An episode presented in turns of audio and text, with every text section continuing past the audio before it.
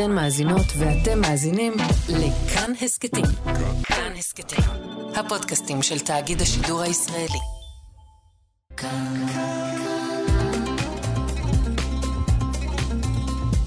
כאן תרבות. בואו נניח לרגע את הספר ונקשיב. עכשיו, מה שכרוך. כאן תרבות.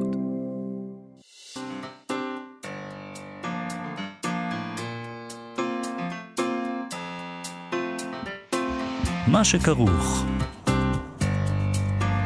עם יובל אביבי ומה יעשה לה. שלום, צהריים טובים, אנחנו מה שכרוך, מגזין הספרות היומי של כאן תרבות, בכל יום ב-12 בצהריים, אנחנו כאן בשידור חי. אתם מאזינים לנו ב-104.9 או ב-105.3 FM. אפשר גם להאזין לנו כהסכת באתר, אפשר באפליקציה של כאן ובכל יישומוני ההסכתים. איתנו על ההפקה איתי אשת, על הביצוע הטכני, צביקה בשבקין, שלום, שלום לכם, שלום יובל אביבי. שלום מאיה סלע. לחבק את הכאוס זה עצה שאולי כל אחד מאיתנו יכול לחבק כרגע. החיים הם כאוס גדול, להילחם בו נראה בלתי אפשרי בכאוס. אז אולי כדאי לחבק אותו, ואולי זה אפילו מועיל, ככה אומר דוקטור יובל דרור בספר חדש, שנקרא כך, לחבק את הכאוס. אבל איך עושים את זה תכלס? זו בעיה. מה בדיוק ההתנהלות? זה פחות ברור לי, אבל אני מקווה שנוכל לברר איתו. נדבר גם על רשימות שהן על פניו ההפך מכאוס, אבל אולי גם ההפך מספרות. אה, מסתבר שלא ולא. אה, עם שלומית עוזיאל בפינה של המוציאה הלשון, אולי נגלה שם שרשימות מסודרות לא כאלה רחוקות מכאוס וגם קשורות מאוד לספרות. ואנחנו מתחילים עם כתבה מהעיתון הכלכלי דה מרקר על חנות הספרים מילטה ברחובות, חנות ספרים עצמאית ונהדרת, שכמו שקורה עם חנויות כאלה לא פעם, הפכה לקהילה. אבל הכותרת של הכתבה היא, אם אין לכם גב כלכלי, אל תפתחו חנות כזו, גם כשיש רווחים, אלה סכומים מגוחכים. אופטימי. אז הם מראיינים שם את בעלת החנות, אורה ניב, שמספרת על המצב שלה ושל החנות אחרי ה-7 באוקטובר. היא אומרת שלעומת תקופת הקורונה, שבה מיד כשהודיעו שמתחיל סגר היא ידעה מה לעשות, היא תיעלה בתחום של הזמנות טלפוניות ומשלוחים, כשהתחיל, כשהתחילה המלחמה עכשיו, היא לא ידעה מה לעשות. היא אומרת ככה, ביום ראשון היינו סגורים, למחרת כבר הגעתי לחנות, אבל איש לא נכנס. באוקטובר ספגנו פגיעה חמורה של כ-40 אחוזים. וזה, וזה אפילו אם מביאים בחשבון שהשבוע הראשון של אוקטובר, השבוע של סוכות, שקדם למלחמה, היה חזק במכירות. בעקבות המלחמה צמצמתי שעות פתיחה. אני סוגרת כעת כבר בחמש אחר הצהריים. על הסיום מהמדינה לעסקים שנפגעו, היא אומרת שלפי החישוב שהיא עשתה, הפיצוי שהיא תקבל יהיה 9 אחוזים, כ-9 אחוזים מההפסד שהיא ספגה. היא אומרת שזה לעג לרש. כן, והיא מספרת שם, היא עבדה הרבה שנים בענף הספרים, היא ניהלה חנות של אחת הרשתות uh, שהצליחה מאוד מסחרית, אבל היה לה קשה, שעם המבחר המוגבל של הספרים שהיו בחנות ההיא, אז היא החליטה uh, לפתוח חנות עצמאית. היא מספרת שם על ההחלטה הזאת, זו הייתה החלטה הרפתקנית, היא אומרת. כשרק נכנסתי לזה, לא הבנתי את המשמעות של להיות עצמאית, וגם בהתאם לזה לא היו לה הרבה חששות. היא פשוט לא הבינה כמה היא צריכה לחשוש. אחרי זה היא אומרת על האתגרים של העסק, ככה היא אומרת. זה שוק קשה ולא כל כך רווחי, אנשים קוראים פחות ספרים מבעבר וקונים פחות ספרים, קוראים פחות ספרים מבעבר וקונים פחות ספרים מבעבר. אה, על ההתמודדות הכלכלית היא אומרת שם אה, שהיא השתמשה בחסכונות שלה, היה לה שותף גם, שלקח הלוואה בשביל שיהיו להם החודשים הראשונים של דמי השכירות. אה, ואז במבצע צוק איתן, כשהתרחש בקיץ של אותה שנה שבה הם פתחו את החנות, היא אומרת, היו לנו חודשיים בלי הכנסות והיינו צריכים להזרים אליה עוד כסף כדי שנוכל להמשיך לתפעל אותה. ואז היא אומרת את מה שהגיע כאמור גם לכותרת, אני יכולה לומר לכל מי שחושב לפתוח חנות ספרים, אם אין לכם גב כלכלי, אל תפתחו, גם כשמרוויחים מדובר בסכומים מגוחכים. ונשים לב שהיא זזה בין מלחמות בעצם, עם כל משבר שהיא מתארת פה, זה, יש קורונה ויש מלחמות, היה לה צוק איתן וכל פעם יש משהו. אה, יש לה טיפים למי שבכל זאת אה, רוצה לפתוח חנות ספרים משום מה. אה, לקחת שותף, אדם שמסתדרים איתו ושיש לכם חזון דומה. החיים של עצמאי ללא שותף קשים יותר, יש יותר אחריות וכבולים לשעות הפתיחה של העסק. עוד טיפ, לא להשתולל עם המלאי, לחשוב על כמויות כשמזמינים מכל דבר. כדאי לנתח את קהל היעד ולהביא דברים שמותאמים אליו. אני אהבתי שהיא אומרת שם שהיא מסרבת, כאילו, מה אהבתי? אני אוהב אתרים של חנויות, אבל אני אהבתי את איך שהיא מצדיקה את זה, שהיא מסרבת לפתוח אתר לחנות, שזה צעד אולי מפוקפק מבחינה מסחרית. הרבה רכישות נעשות באתר, בטח אחרי הקורונה, אבל יש לה סיבה טובה. היא אומרת, מבחינתי, כל הרעיון של חנות ספרים זה שאנשים משוטטים בין מדפים, כי הם מחפשים דבר אחד, אבל בינתיים מגלים ספרים אחרים שמעניינים אותם, כאלה שהם לא שמעו עליהם. טוב, זה יכול לקרות גם באתר, אבל זה... כן, אבל זה גם תפיסה רומנטית, זאת אומרת, שהובילה אותה למקום שבו היא נמצאת היום, כאילו, ואתה יודע, בסוף אתה פותח חנות. אז זה לא משנה מה אתה מוכר, אתה מוכר ספרים, אבל זה ביזנס, נכון. צריך להתייחס לזה ככה. בסופו של דבר צריך לקנות, למכור את הסחורה. נכון. כדי לשרוד. אבל מצד שלישי, שוב, החנויות העצמאיות בישראל נבנות כאיזה מקום שהוא קהילה. והקהילה לא יכולה להתקיים רק באתר, היא חייבת להיות... אה, בסדר, יש חנות גם, יש אבל גם הקהילה וגם. הזאת שאתם מדברים עליה כל הזמן, כאילו, גם כן זה רומנטיקה. נכון. כי אני רואה שקהילה לא מחזיקה חנות. אה, חלק מהחנויות מחזיקות בזכות הקהילה, אולי זה יותר קשה לאחרות, ואולי זה גם, הקהילה מחזיקה חנות, אבל לא כשמגיעה מלחמה, ואחרי זה קורונה, ואחרי זה עוד מלחמה, שפשוט אה, שוחקות את ההצלחה של הקהילה. אה, היא אומרת גם שהלקוחות כן שואלים על אתר. זאת אומרת, יש לקוחות שמגיעים, הם שואלים מה, מה האתר, והיא בודקת איך להתמודד עם זה, זה עולה לה הרבה כסף, אה, להקים גם את האתר. אז אולי זאת הסיבה שאין אתר. ולעדכן אותו בכל יום, זה גם אה, דבר שצריך להבין איך עושים. בכל מקרה, זה שאלות מן הסתם שהרבה מאוד אנשים שיש להם עסקים עצמאיים מתמודדים איתם היום, על אחת כמה וכמה בשוק הספרות, שגם בימים רגילים, כאמור, הוא לא באיזה הצלחה כלכלית ענקית. אז נאחל לה בהצלחה. כן. אנחנו מה שכרוך בכאן תרבות, חזרנו. אני כותב על הכאוס כי אני אוהב אותו. אני לא מפחד להגיע לאנרכיה, כי אני מאמין שהתארגנות עצמית של אנשים מייצרת ביחד דפוסי פעולה מוסכמים. על האמונה הזו מבוסס הספר, שבו אני מבקש להראות שהפחד מכאוס הוא מיותר. וכי באופן טבעי, גם בסביבה שנראית כמזמינה כאוס, נרגיע רק אל סיפו. סף הכאוס הוא מקום פורה, יצירתי וחדשני, כדאי להיות בו. בתמרון נכון אפשר להתקרב אליו ולהתרחק ממנו. ככה כותב אה, דוקטור יובל דרור, ראש התוכנית לתואר שני בייעוץ ופיתוח ארגוני במכללה למינהל, וגם היושב ראש המשותף של פאי, הקהילה הישראלית של היועצים הארגוניים.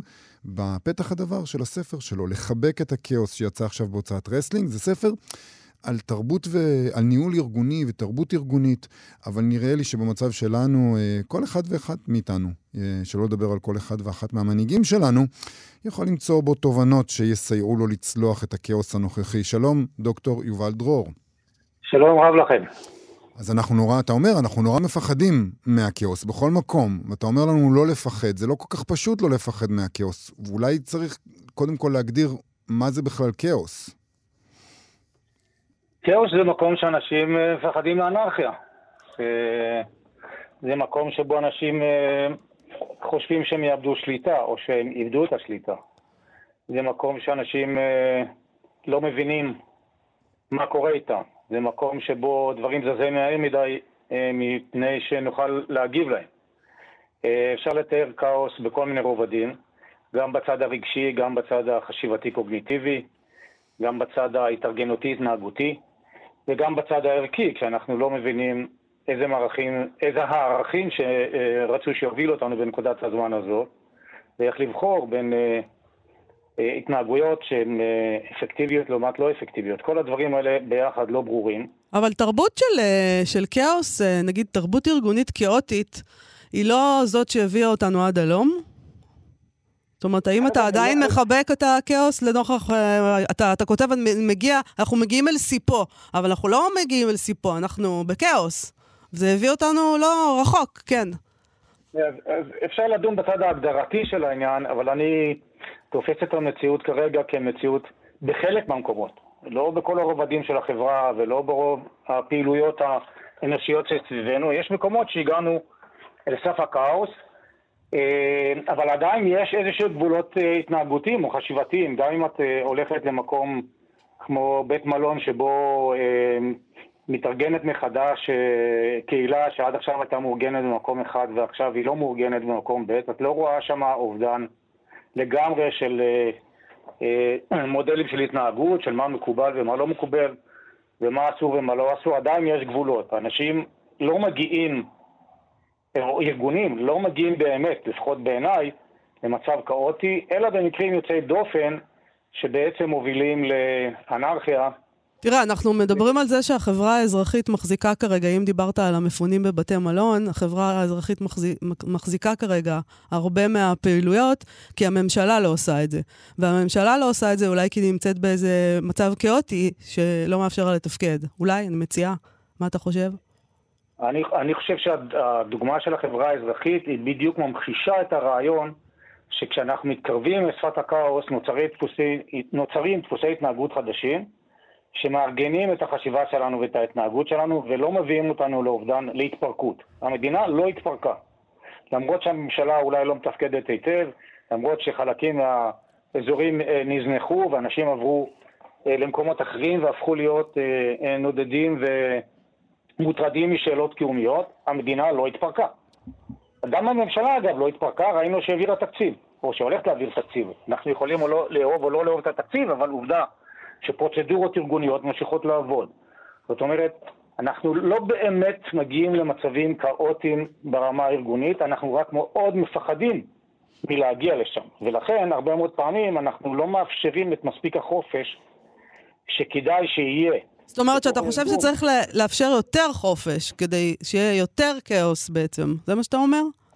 אני חושב שאנחנו צריכים לשים לב איך אנחנו נעים על הרצף בין סדר לכאוס. זה, זה בין היתר מה שהספר מנסה להראות, שתנועה לכיוון כאוס לפעמים מוצדקת, ותנועה לכיוון סדר לפעמים מוצדקת. איך אנחנו מתמרנים את התנועה הזאת, בזה עוסק הספר. דרך זה...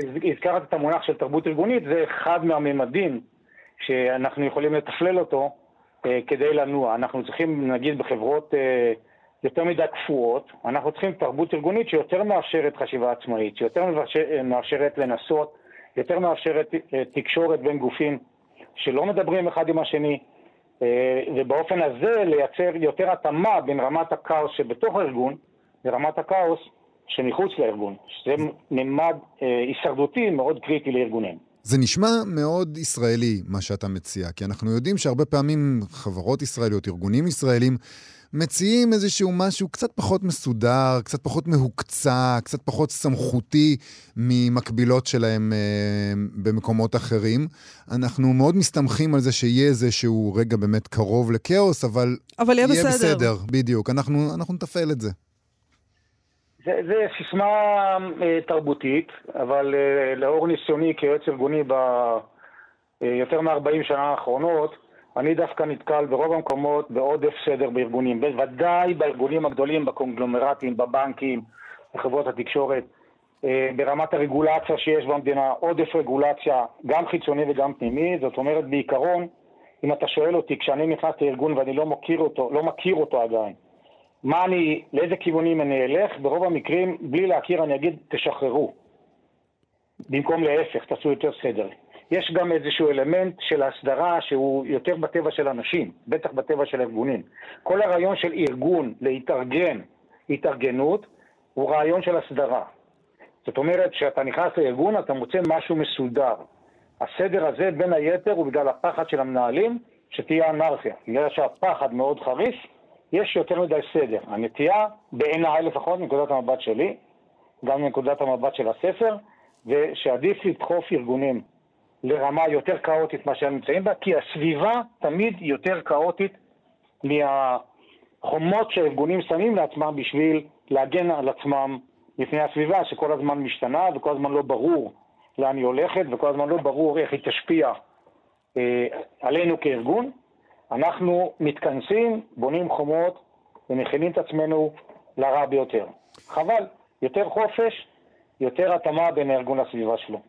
אתה יודע, לא, אתה יודע, הספרים האלה שאתה, שכמו, כמו הספר שלך, הם בדרך כלל מיועדים למי שעומד בראש, נכון? זאת אומרת, להנהלה, למנהיגים, ופחות לאנשים כמונו, שאנחנו נמצאים בתוך הדבר הזה, וקשה לנו להחליט עד כמה חופש יהיה בחברה שבה אנחנו נמצאים.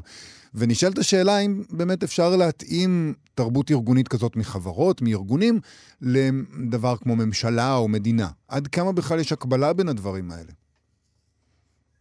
תראה, בין מוסדות uh, שונים יש כמובן הבדלים.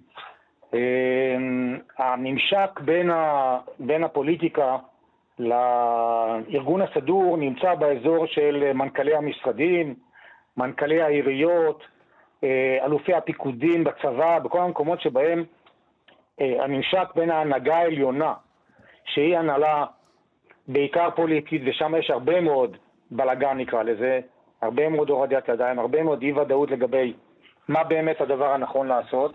זה בדרג האסטרטגי הרבה יותר ברור, לעומת בדרג האופרטיבי שבה אה, תפיסת היעילות הרבה יותר אה, שולטת. עכשיו, תפיסת היעילות, היעילות לא מסתדרת עם המגוון האסטרטגי שעומד מלמעלה, ולכן נקודת המפגש הזאת של המנכ"ל, של אנשי המטה שלו, של האנשים שמחליטים על ההתנהגות הכוללת של הארגון, הוא אה, נקודת המפגש בין הסדר לכאוס. ולכן הספר אה, מתייחס לאנשים שזאת המציאות שלהם, לאו דווקא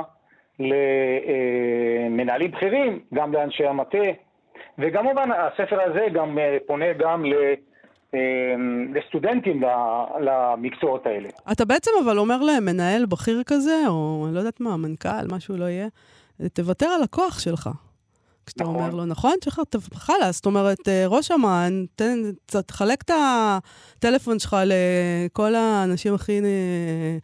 אה, לא הכי בכירים, ושהם יוכלו לסמס לך בשבת, שמע, אני עליתי פה על משהו, אמנם אני רק סמלת, אבל תשמע מה קורה פה. ואז אולי היה קורה משהו טוב. נכון, הספר הוא, הוא, לא, הוא לא באזור של המלצות לפעולה, הוא באזור של תפיסת העולם. ברור, אבל זה, אבל אנחנו, בוא, בוא תן לנו רגע הצעות. אתה אומר להם לוותר על כוח, זה מה שאתה אומר להם. כי עד עכשיו הלכתי ורעדתי ליד ראש אמ"ן, ולא העזתי לפנות אליו, ואתה אומר, ת, תן להם אפשרות לפנות אליך. אז אני אומר, כן, אני אומר, תפתח יותר ערוצי תקשורת. אגב, אמ"ן, התיאור שאת מתארת הוא לא לגמרי מדויק לגבי איכות התקשורת שקיימת שם בין דרגים השונים. לכאורה. אבל, מה שתיארתי אה, זה בדמיון שלי, זה לא, כן. כן, נעזוב את זה. העניין הוא של אה, אה, איכות התקשורת, איכות היחסים ואיכות הייחוסים. יש פרק שלם בספר על יחסים וייחוסים. זאת אומרת, למשל, מה שאת תיארת זה סוג של ייחוס שאת נותנת לארגון מסוים, כמו אמ"ן. ואם את נותנת לו כזה ייחוס, את מתייחסת אליו בהתאם לייחוס הזה. אני אומר, הייחוסים והיחסים, כשאתה פותח אותם, כשאתה מאפשר לאנשים להיות פחות אה, אה, דוגמטיים, פחות, יותר מקשיבים, יותר אה, אומרים את דעתם, פחות מפוחדים, תרבות של פחד לא עוזרת. כן, אה, אוקיי. ובהרבה מאוד ארגונים יש תרבות של פחד. נכון. אז אתה, אתה יכול לבוא, אתה בעצם אומר, אה, אה, אה, יועץ ארגוני יכול להיכנס לארגון ולהגיד בסופו של דבר, תקשיבו, יש פה יותר מדי פחד, זה לא עוזר לכם שמפחדים מכם. זאת נכון. עצה כזאת פסיכולוגית בעצם.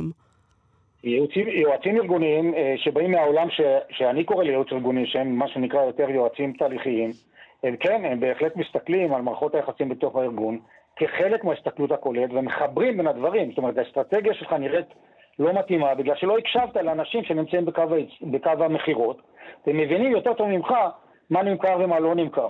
אז אתה יושב שם למעלה אה, ולא מקשיב, אז אתה תצא עם אסטרטגיה שבסוף יתברר שהיא לא, אה, לא ניתנת לביצוע, או שהיא לא מביאה את התוצאות שאתה ציפית להן. בגלל, לא שלא חשבת לא נכון, אלא בגלל שלא תקשרת נכון. אז בוא נדבר יותר. תשמע, אני יודע שזה פחות תחום העיסוק שלך, אבל הלכנו לכיוון, אה, אנחנו נעים בין קצוות של המקרו והמיקרו, אז אנחנו שואלים את עצמנו איך התרבות הארגונית של הכאוס מתרגמת לניהול המדינה. אולי אפשר גם לחשוב על הספר שלך במובן של אה, ניהול עצמי, כי אנחנו מרגישים שגם אנחנו, כל אחד מאיתנו גוף קטן, נר קטן של, אה, של ארגון בין סדר לכאוס. אפשר ללמוד מזה גם על איך שאנחנו מתמודדים בעצמנו עם התחושה הכאוטית, הפנימית שלנו בימים האלה?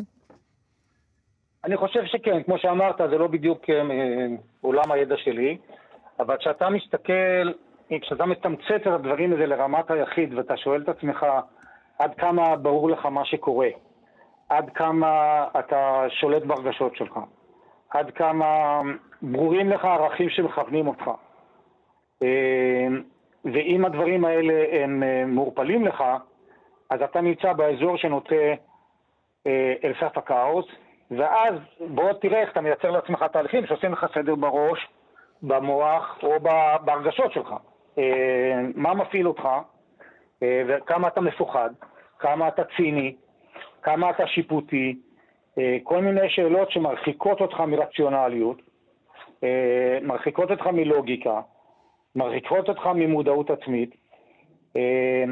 בעיניי אלה שאלות שכל אחד מאיתנו או שיכול לשאול את עצמו, או שיכול בעזרת חברים, או בעזרת אה, מערכת ייעוץ אה, אישית טיפולית, או ייעוץ ארגוני, או ייעוץ למנהלים, אם אתה מנהל בסוגיה הזאת. אבל בהחלט, אה, אה, בהסתכלות הכוללת, כל אחד מאיתנו, מה שנקרא בשפת הכאוס, הוא פרקטל. הוא, יש בו אלמנטים שמייצגים את כלל המערכת. יש הלימה בין מה שהוא למה שהמערכת שמעליו, שהוא מוכל בתוכה.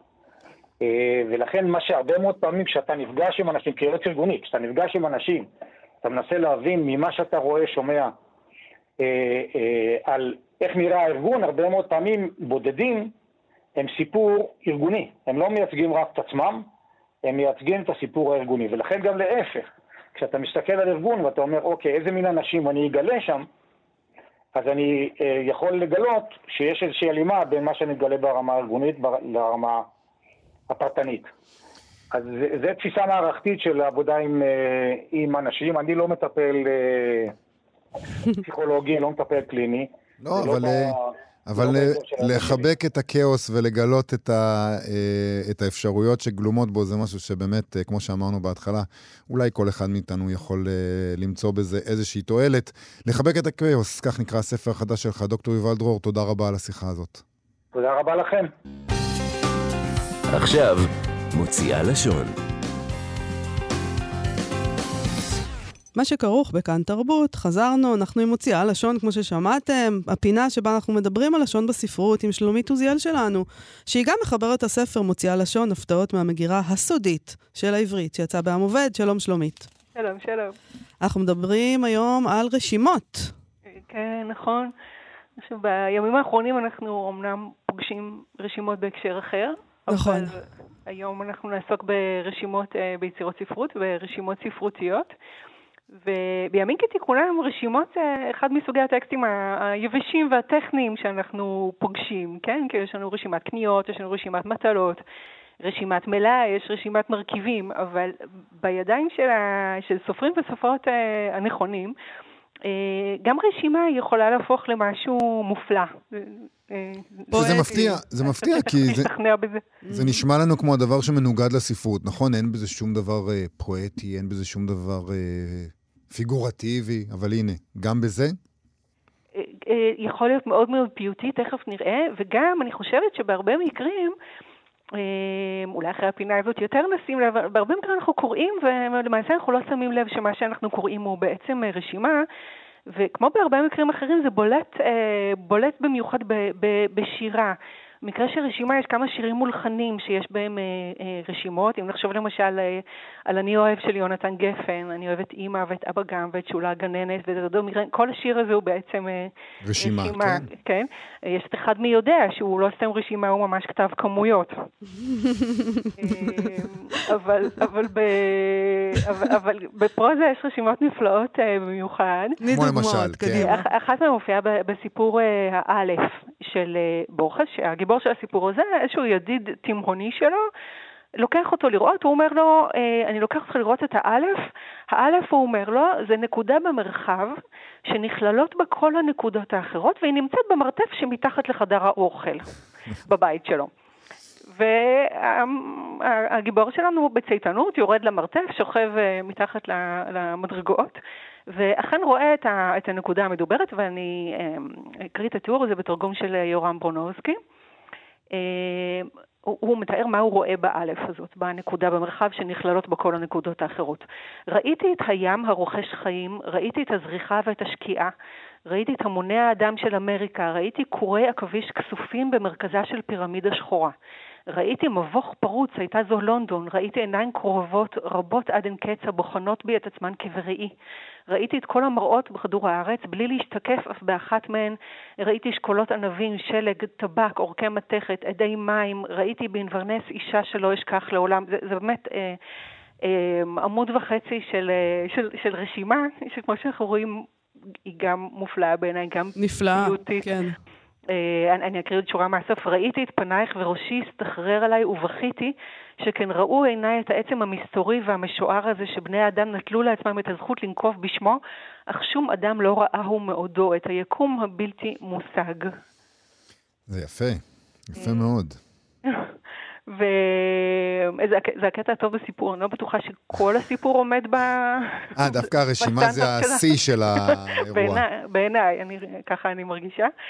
אה, וכשאני מסתכלת על הרשימה הזאת, זה בעצם איזה מש, משהו וירטואוזי בעיניי שבורכס עושה פה. הוא עושה פה רשימה גם שהיא מאוד פיוטית, וגם כשאני מסתכלת עליה, היא הזכירה לי את, ה, את הציורים הידועים של, של ג'וזפו ארצ'ימבולדו, של הדיוקנאות האלה של אנשים שמורכבים מירקות ופירות. כן.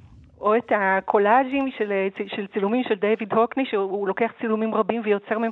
עכשיו, זה לא, לא מדובר פה על pixeling, שהתמונה, נגיד, רק כשמתקרבים רואים שהיא מורכבת. לא, זה באמת דברים נפרדים. הפירות והירקות האלה, או הצילומים אצל הוקני, כל אחד רואים אותו, הוא אלמנט לעצמו, כמו ברשימה של בורכס, ועדיין כולם ביחד מצטרפים לאיזו תמונה אה, יותר אה, גדולה.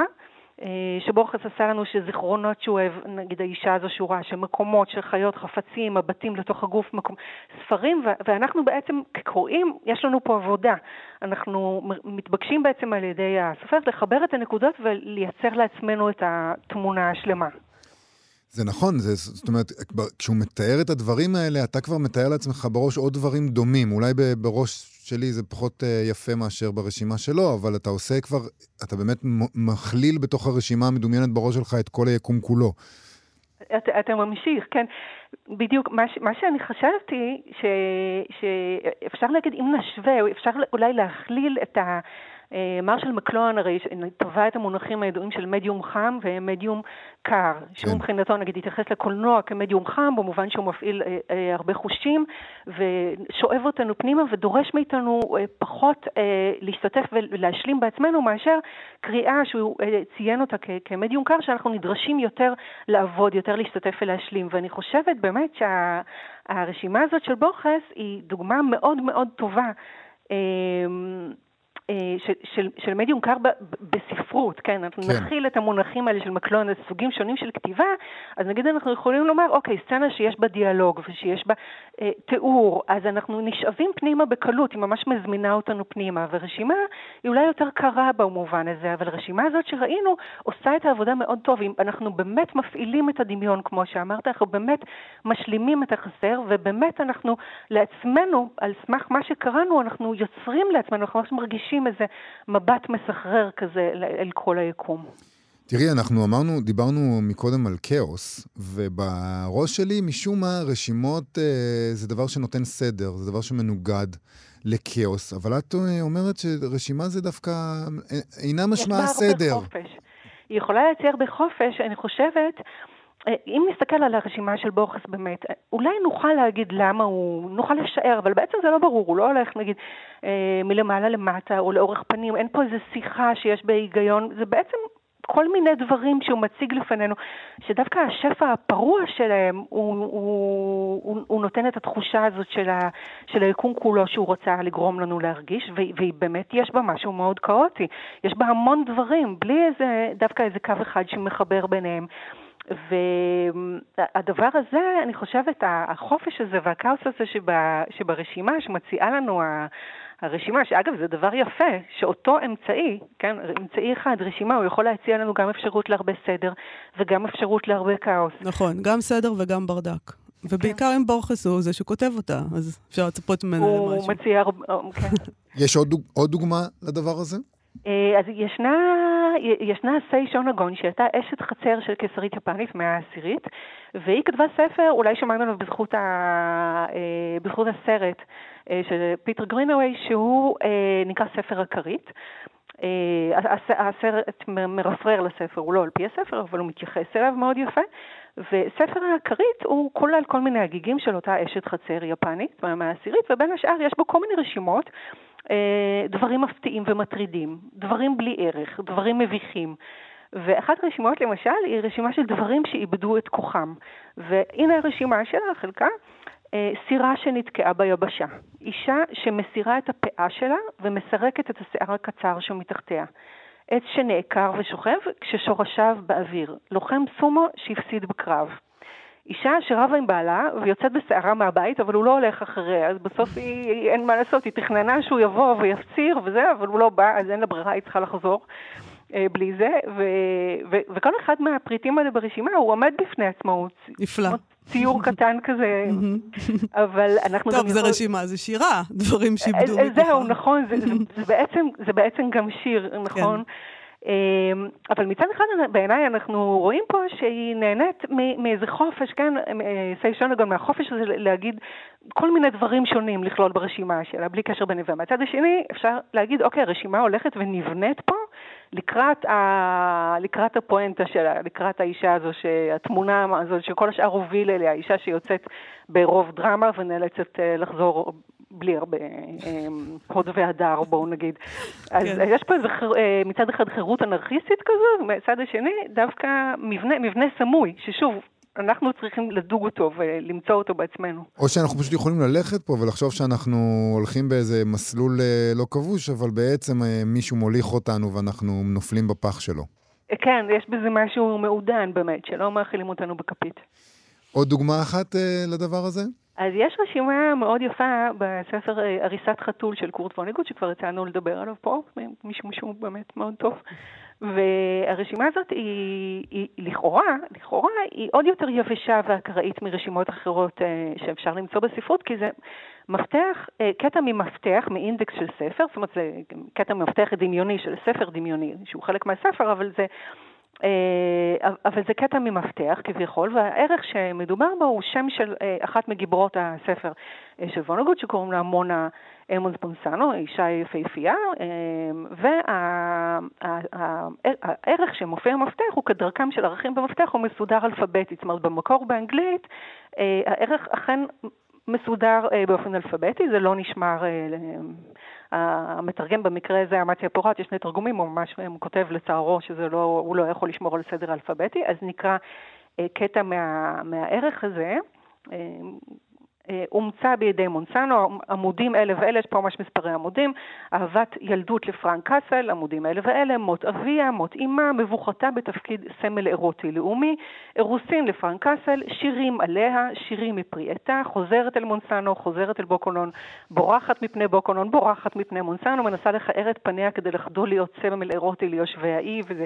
עכשיו, אה, בעצם וונגוט, מה הוא עושה פה? הוא בוחר להציג לנו את החיים של מונה, לא בקולה של אחת הדמויות בספר, אולי אפילו היא בעצמה לא, אלא כאילו הוא נותן לנו את התוצאה הטכנית. כותרות, את הכותרות של החיים. את הכותרות, בדיוק. Mm-hmm. כאילו, כאילו, אה, כאילו אינדקס, מישהו עשה לה אינדקס וזה מסודר גם לא לפי סדר כרונולוגי, כמו שאנחנו רואים, כי זה סדר אלפביתי. אז הפניות קצרצרות, יבשות כאלה, מסודרות אה, אלפביתית, והמספר עצמו שהוא דמות בספר, אומר לנו, הוא מתאר את התוצאה, הוא מתאר את הרשימה הזו כתמונה סוריאליסטית, ביוגרפיה של אילת אהבה בעל כורחה. עכשיו, בעיניי, אנחנו פה, במקום הזה, אנחנו שומעים את ווניגוט בעצמו, אנחנו שומעים את הסופר מדבר אלינו, לא את הדמות קצת, כי הוא קצת עף על עצמו בעיניי, על היכולת שלו לייצר לנו את הדבר הזה, הוא קצת טופח לעצמו על, השכם, על ההברקה הזאת שלו ועל היכולת שלו לממש את זה.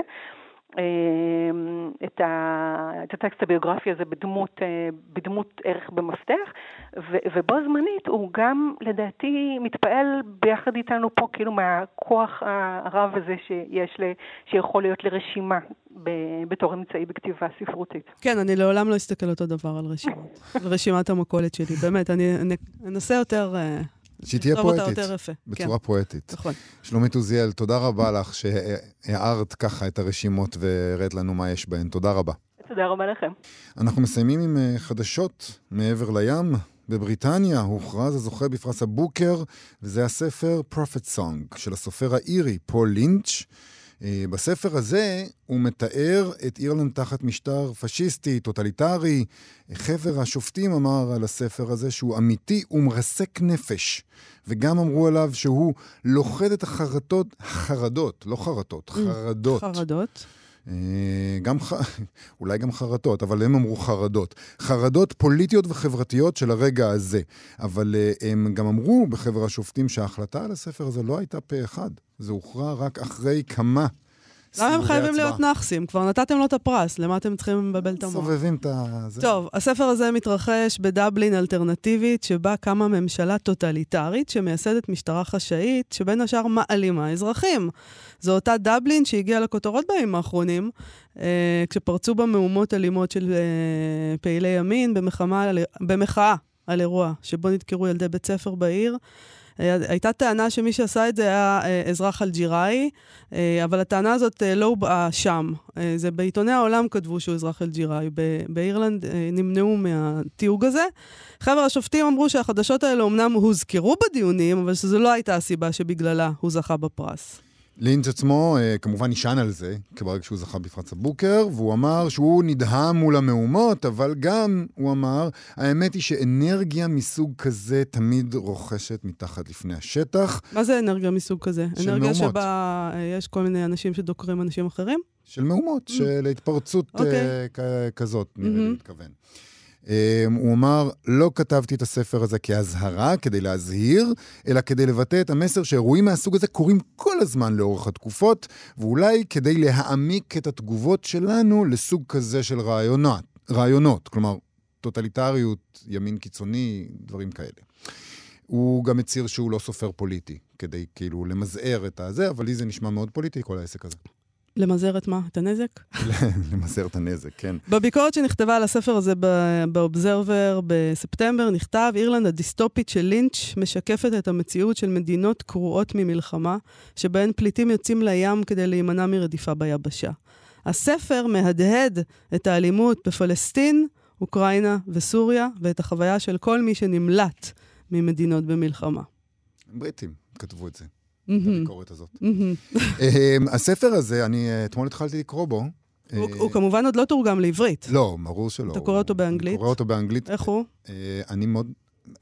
אני לא אגיד נהנה, כי אני מרגיש שזה ספר שבישראל צריך אה, גם כן, אולי גם באירלנד צריך אה, אזהרת טריגר על הכותרת, למרות שאולי אזהרות טריגר זה שייך על לעולם... פה- הכותרת? על הכריכה, סליחה.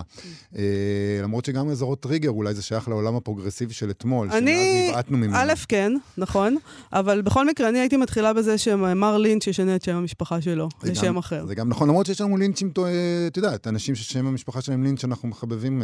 נכון, אבל אנחנו כבר. מכירים אותם ככאלה, הוא יכול להחליף את השם. אוקיי, בסדר. אה, זה הספר החמישי שלו, כן? זה שאנחנו מכירים אותו אה, רק עכשיו. אבל אנחנו. קובעים, אין מה לעשות, ואנחנו פסקנו עכשיו. את, קובעת. ואני אלך איתך. תודה.